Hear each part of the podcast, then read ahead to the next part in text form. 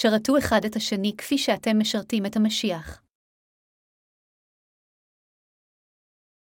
אל האפסאים 6.21-9 שמעו בנים אל הוריכם באדוננו כי אורחה ישר רואה כבד את אביך ואת אמך זאת היא המצווה הראשונה שמטען שכרה בצדיה למען ייטב לך ולמען יאריכון ימיך עלי האדמה, ואתם האבות אל תכעיסו את בניכם וגדלו אותם במוסר אדוננו, ובתוכך תבוא שמעו עבדים אל אדוניכם מן הבשר ביראה ורטט ובתם לבבכם.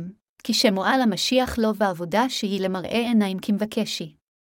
ים לי מצוא חן בעיני בני אדם כי אם כבדי המשיח העושים רצון האלוהים בכל נפשם לעבוד בנפש חפצה את האדון, ולא בני אדם, וידעתם כי קל דעבר טוב אשר עשה האדם ישלמנו לא אדוננו בין שהוא עבד ובין שהוא ונכורין ואתם האדונים ככה תעשו גם להם חידלו מגרבם וידעתם כי גם עליכם יש אדון בשמיים ואין. לפניו מספנים. אתמול, מבנגבקלי נבחר לנשיא ה-17 של דרום קוריאה. ללא קשר לתוצאות הבחירות, כולנו מקווים ומתפללים שאלוהים יחזיק איתן את הנשיא הנכנס וישמור עליו כדי שיספק מנהיגות טובה בכל ענייני האומה, מהצבא וכלה בכלכלה, בדיפלומטיה ובמדיניות התרבות.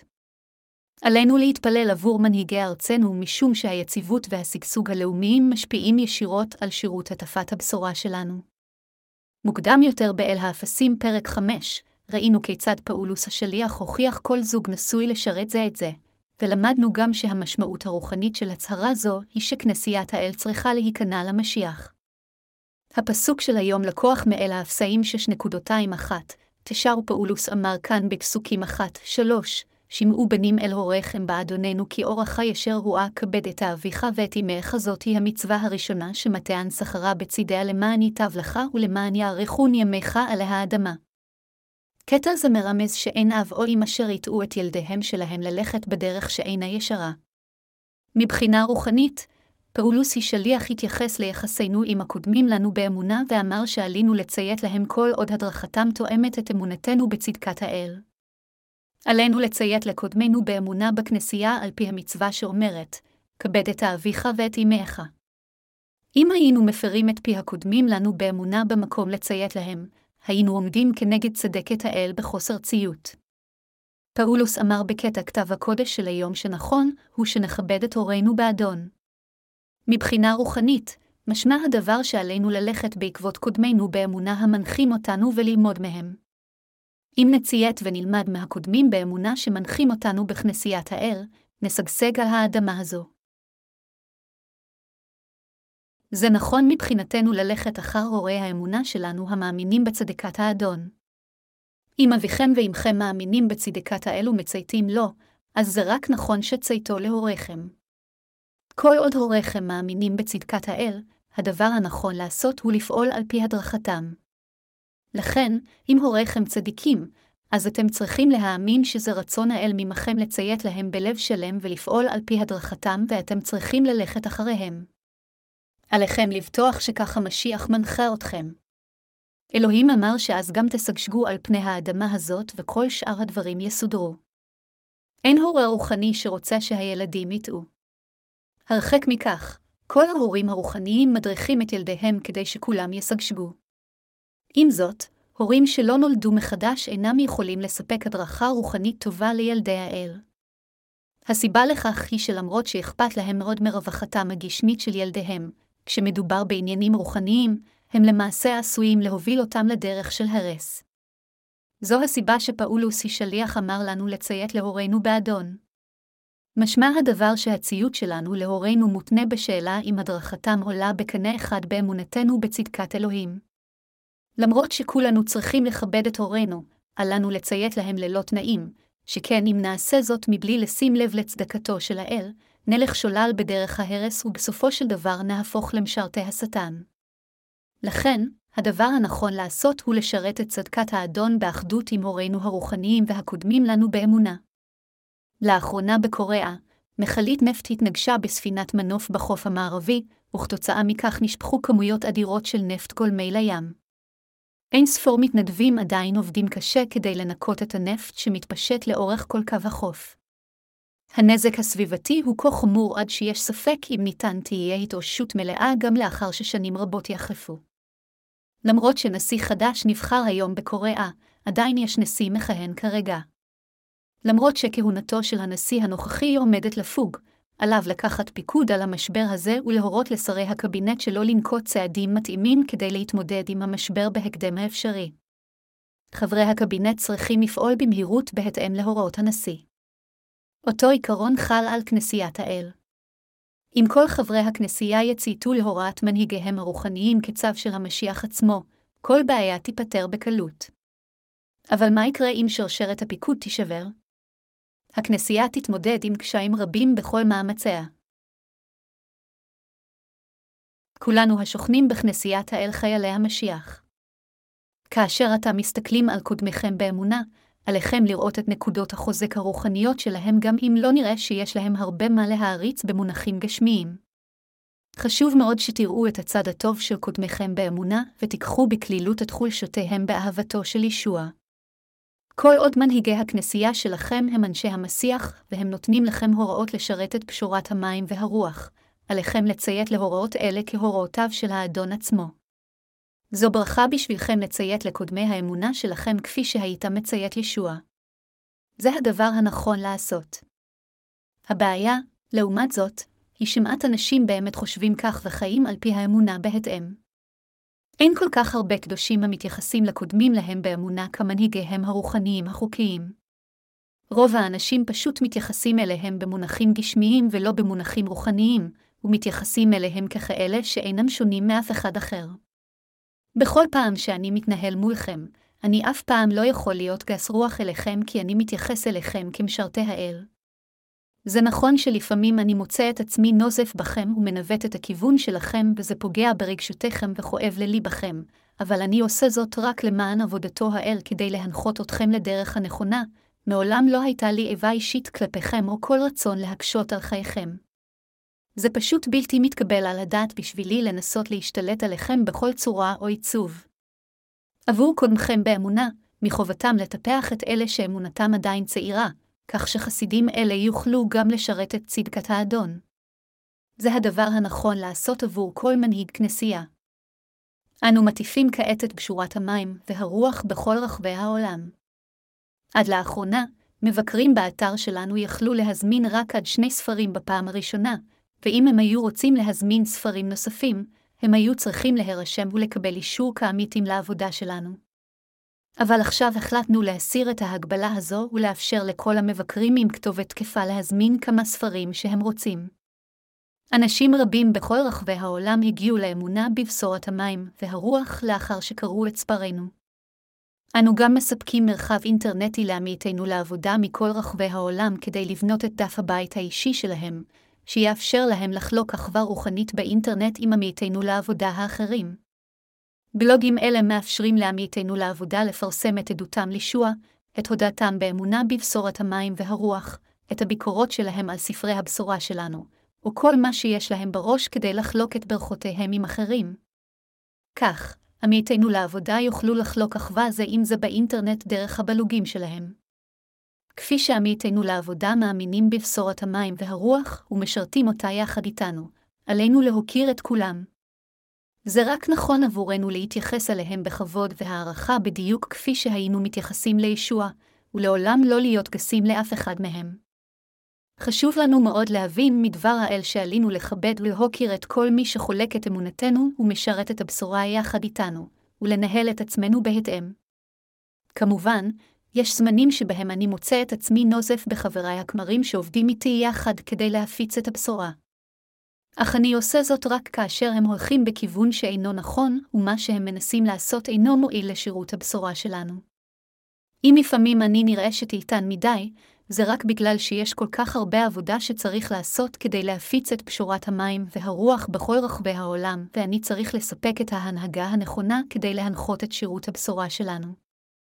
לכן אני צריך להתערב מפעם לפעם ולהיראות כאילו אני נותן לכם הוראות בקשיחות. הבעיה, בכל אופן, היא שחלק מהחברים, למרות שהם מבינים את הרציונל שמאחורי ההוראות שלי, אינם ששים ללכת אחר המנהיגות שלי מכיוון שהם יותר מידי ספקנים לגבי יכולתם להשיג את המטרות שהצבתי להם. זה נכון שמתוך הדברים הרבים שהכנסייה עושה כדי לשרת את הבשורה, יש תוכניות שלמעשה לא מסתדרות. אפילו מנהיג יכול לעשות טעויות. אך כולנו יכולים ללמוד מניסיונות וטעויות כאלה ולהתאים את עצמנו בהתאם כדי להשיג את מטרותינו. למרות שזה עלול להיות קשה לנו, עבודתו של העל תושג בסופו של דבר, כלומר, בשורת המים והרוח תפורסם במרץ רק אם כולנו נתאחד יחד במאמץ המשותף שלנו להטיף את הבשורה האמיתית הזו לכל פינה בעולם. אל תכעיסו את בניכם. כדי להבין למה אני מתכוון בזה, בואו נפנה כאן לאל האפסים 6.24, ואתם האבות אל תכעיסו את בניכם וגדלו אותם במוסר אדוננו ובתוכח התבו, אם אינכם מנהיגי כנסייה, זה בסדר מבחינתכם לתת הוראות ולהמשיך לשרת את עבודת האל, אך כאשר חסידכם אינם מבינים את ההוראה שלכם, עליכם ללמד אותם עם דבר האדון. פאולוס השליח אמר כאן לגדל את ילדיכם הרוחניים במוסר ובתוכחתו של האל, וכי זהו רצון האל.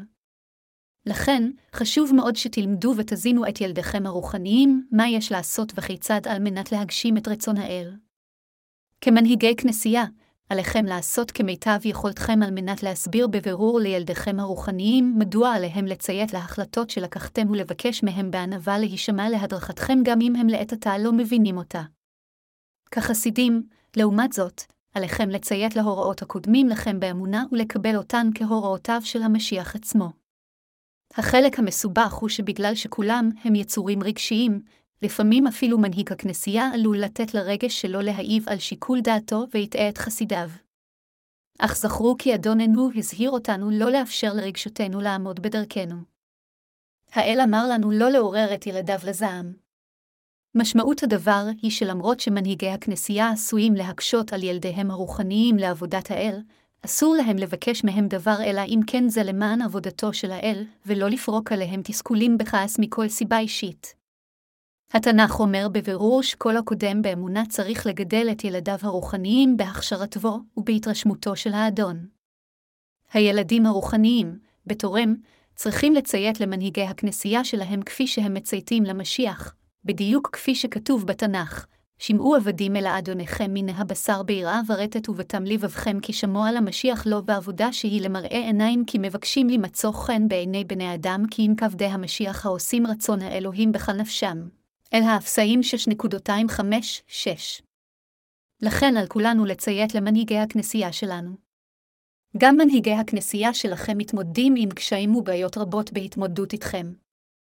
כאשר הם קיבלו את מחילת חטאים מוקדם יותר ממכם, מוטלת עליהם המשימה המרתיעה לטפח את אמונתכם, להזין אתכם מבחינה רוחנית, להנחות אתכם לקבל את ברכות האל ולהוביל אתכם היטב כדי שעבודתכם לא תהיה לשווא. הם צריכים להנהיג אתכם בזהירות כדי לוודא שעבודתכם הקשה אכן תשרת את צדקת האדון. רק כאשר כל מנהיג כנסייה מוודא את זה אתם ועמיתכם הקדושים בכל רחבי העולם תתברכו. עבודת מנהגי הכנסייה שלכם היא לא כה קלה. זה לא כל כך קל להיות מנהיג כנסייה. זה בגלל שקל מנהיג כנסייה בעצמו חייב ללכת בעקבות צדקתו של אלוהים. כתוב בקטע כיתה הקודש של היום, ואתם האדונים ככה תעשו גם להם חידלו מגרבם וידעתם כי גם עליכם יש אדון בשמיים, ואין לפניו מספנים, אל האפסאים 6.29. משמעות סעיף זה היא שהקודמים האמונה עצמם חייבים לשרת את תלמידיהם בלב כן כאלוהים, כשם שתלמידיהם חייבים לציית להוראותיהם כמשיח. בקיצור, כל חברי הכנסייה חייבים לציית למצוות האדון, בין אם הם מנהיגי החסידים ובין אם לאו. מה שפאולוס השליח אמר כאן בקטע כתב הקודש של היום הוא מצוות האדון. זוהי הסיבה מדוע כתוב בתנ"ך שאלוהים אינו מביט במראה החיצוני שלנו. אדרבה, הוא מביט למרכז לבנו כדי לראות אם אנו מתייחסים זה לזה כפי שאנו מתייחסים למשיח. זהו המסר המרכזי של קטע כתב הקודש של היום.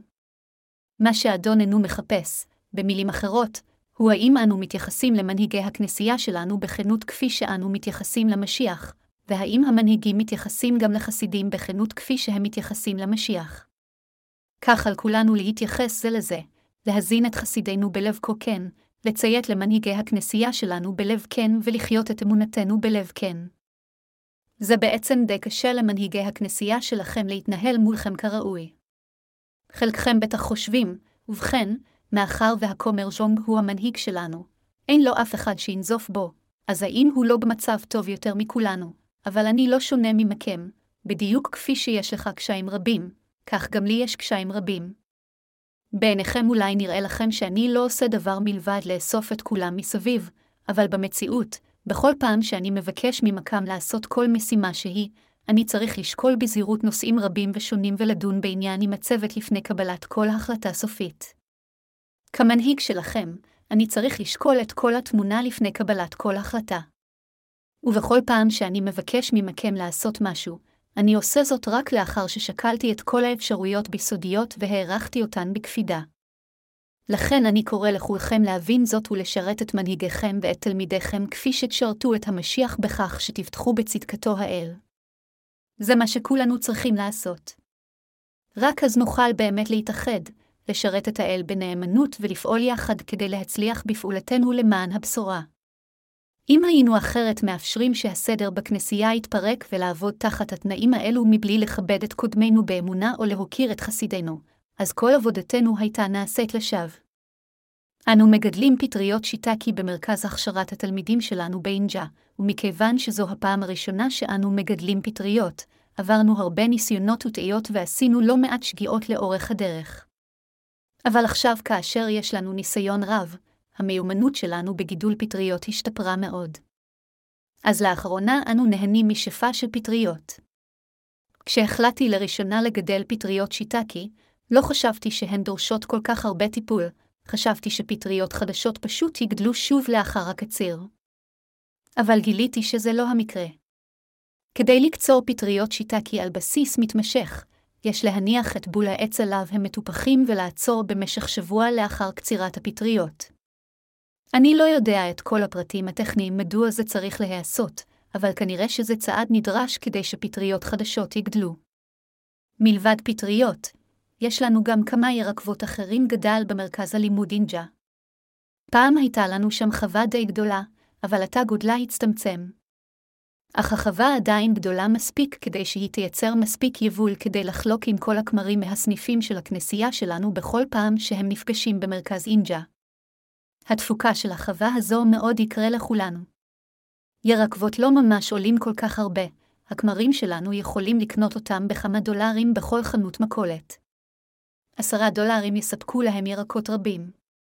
לכן, כאשר אתם חושבים על זה, חלקכם עשויים לתהות מדוע אני חושב שזה כל כך חשוב ויקר לליבי לחלוק חצי שק של תוצרת עם כל אחד מהכמרים שלנו. זה יקר לליבי כי התוצרת הזו צמחה בידיים שלנו. למרות שהקציר שלנו אולי לא גדול מספיק כדי לחלוק בשפע, אבל אנו עדיין חולקים כל קציר שמתקבל עם כל סניפי הכנסיות בקוריאה.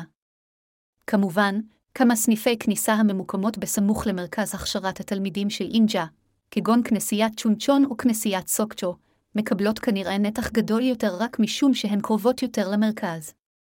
מאחר שלכנסיות אלה יש עובדים רבים, באופן מובן החלק שלהן גדול יותר. אבל אנחנו עדיין עושים כמיטב יכלתנו. לחלוק את כל התוצרת עם כל הסניפים של הכנסיות. החווה במרכז אינג'ה יקרה לליבנו לא בגלל רווחים חומריים שאולי נקבל ממנה, אלא מכיוון שאנו יכולים לחלוק תוצרת אורגנית שגידלנו בעמלנו. זה השיתוף שחשוב. למרות שקציר פטריות השיטקה שלנו עדיין קטן יחסית, כל הקדושים שלנו בכל הסניפים של הכנסייה נהנו מהם לפחות פעם אחת. בגלל שגידלנו את הפטריות האלה במסירות ובתשומת לב, הן יקרות לנו יותר. אישית, אני מוקיר כל תוצרת שגדלה בחווה הזאת באינג'ה. כמובן, מרכז הכשרת התלמידים אינג'ה אינו רק חווה, זה משמש לעתים קרובות כמקום התכנסות עבור הכמרים והקדושים שלנו מכל רחבי הארץ. הכמרים שלנו צריכים מקום שכזה כדי להיפגש מעת לעת, בין אם זה לעבודה או למנוחה. חלקכם עשויים לחשוב שאנו יכולים להיפגש בכנסיית צ'ונצ'ון במקום במרכז ההכשרה של תלמידים באינג'ה. אנחנו יכולים למעשה להשתמש לפעמים בכנסיית צ'ונצ'ון כמקום ההתכנסות שלנו. אבל זה לא באמת יכול להכיל את בבת אחת כל המשרתים שמגיעים מכל הסניפים של הכניסה בקוריאה. זה אולי היה אפשרי בעבר, אבל זה כבר לא ריאלי עכשיו שהמספר שלנו גדל. אנו צריכים מקום גדול מספיק כדי להתאים את כל הצרכים שלנו. לדוגמה, אנו זקוקים למגרש כדורגל כדי להרגיע את גופנו ונפשנו מהלחץ שנצבר בעת שאנו משרתים את פשורת המים והרוח. לכן אני כל כך אוהב את מרכז הכשרת התלמידים באינג'ה. זהו מקום שבו כולנו יכולים להיפגש ולחלוק במתקנים שלו, מקום שנבנה בעזרת התרומות של כולנו. לכן מרכז הכשרת התלמידים באינג'ה יקר לי מאוד. יש כמרים שלא חושבים שמרכז החסידות של אינג'ה כל כך חשוב. הם לא רואים טעם להשקיע במרכז, תוהים לטובת מזה. אבל התשובה ברורה, בנינו את המרכז עבור לא אחר מאשר עבור עצמנו. אז אתם יכולים לומר שאתם הולכים לשם רק פעמיים בשנה. אבל לא משנה באיזו תדירות הקדושים שלנו ומשרתי האל נפגשים במרכז אינג'ה, בנינו אותו כדי שכולנו נקבל הזדמנות להירגע ולנוח קצת. להתאסף ככה זה מאוד יקר לליבי. בכל פעם שאנשים מגיעים למרכז אינג'ה, בין אם הם שרים או חברים חדשים שבאו להקשיב לבשורה בפעם הראשונה, האם הם לא כולם חלק ממשפחתכם? נניח שבני המשפחה שלכם באים לכאן כדי להקשיב לבשורת המים והרוח, אבל היינו להעביר את שיעור הבשורה וללמדם בצריף מוזנח כי לא היה לנו שום בניין נורמלי. מי היה נכנס לשם כדי להקשיב לבשורת המים והרוח? בתחילת שנות התשעים, כשהעברנו את שיעור הבשורה בחממה מכוסה בסדין אחד של סרט ויניל אפילו באמצע החורף, אנשים עדיין הקשיבו לדבר האל וישנו בסדר גמור למרות הקור. אבל בימינו, אף אחד לא יבוא אם נעשה את זה. לכן אנו צריכים מתקנים טובים במרכז הלימוד של אינג'ה כדי לספק לכולם מגורים טובים. לכן מרכז אינג'ה כל כך חשוב. ובגלל זה הקדשנו מהלב שלנו כל כך הרבה לזה. לא משנה מה אנו עושים, עלינו לשים את ליבנו על זה כפי שאנו עושים בעת שאנו משרתים את האדון.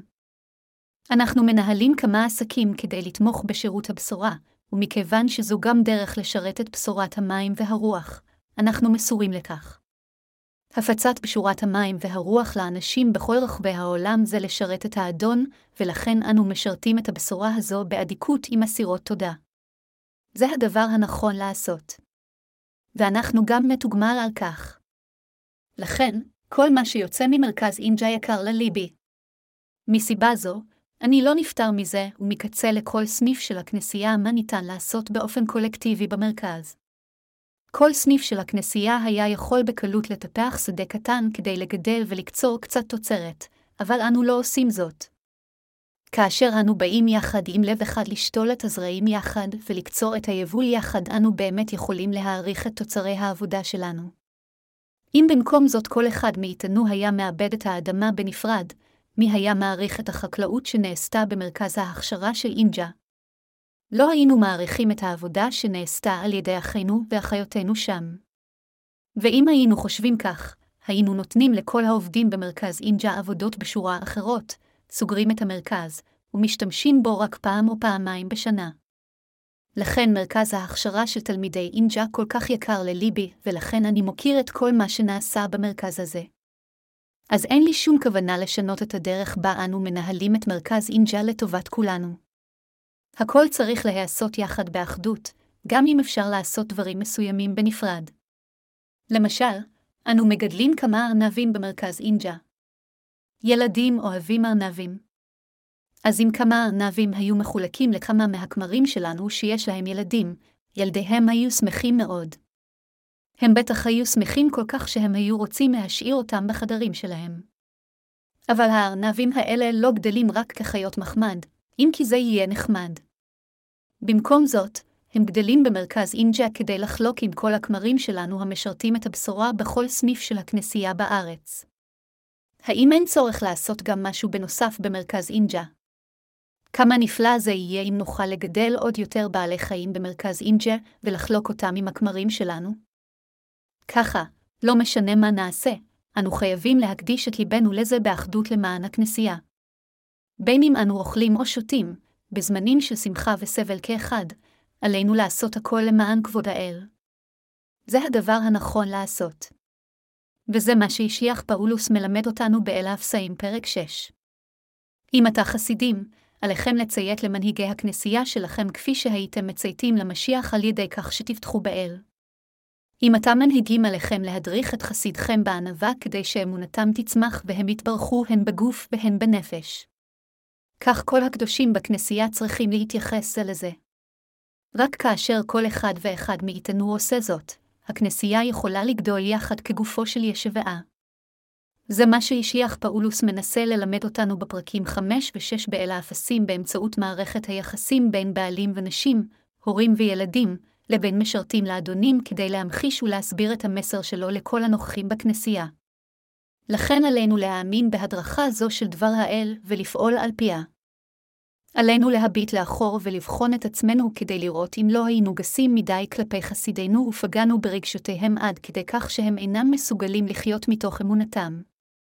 על כל מנהיג כנסייה מוטלת החובה להזין את תלמידיו בהוראות הנכונות של דבר האל ולהתייחס לכולם באהבה. כמנהיגי כנסייה, אתם צריכים לידע את החסידים שלכם שאתם אוהבים אותם בלב שלם, ולעזור להם להבין שהסיבה היחידה שאתה אי פעם תנזפו בהם, היא כי נשמתם תחרב אם תשאירו אותם לבדם. וכחסידים, עליכם לציית לקודמים לכם באמונה בלב חפץ. לאחר מכן דפיקן מזה תועלת, וגם רצון האדון יתגשם. מה היה קורה אם מנהיג כנסייה היה קופה יותר מדי על חסידיו? יש אחים ואחיות שקשה לי לגשת עליהם. אני מניח שהם מפחדים ממני. אבל אין מה לפחד ממני. אם אתם רק מפחדים ממני, אז איך אי פעם תוכלו ללכת אחרי כמנהיג שלכם? צריך להיות לכם מספיק אמון ואמונה במנהיגי הכנסייה שלכם. למרות שלפעמים הם עלולים להיראות ככאלה שכופים עליכם, הם עדיין אוהבים אתכם בכל לבכם, הם מנסים כמיטב יכולתם להבין אתכם, הם מתפללים ללא לאות עבורכם, והם עובדים יומם ולילה כדי להנחות אתכם בדרך הנכונה, כך שעבודתכם לעולם לא תהיה לשווא. לכן אתם חייבים לסמוך על מנהיגי הכנסייה שלכם גם אם אתם בתחילה לא מבינים את ההוראה שלהם באופן מלא. רק כאשר תציתו למנהיגכם הרוחניים תוכלו לבצע את עבודת האל. אני מקווה ומתפלל שאלוהים יהפוך את כולנו לקדושים בוטחים שכאלה.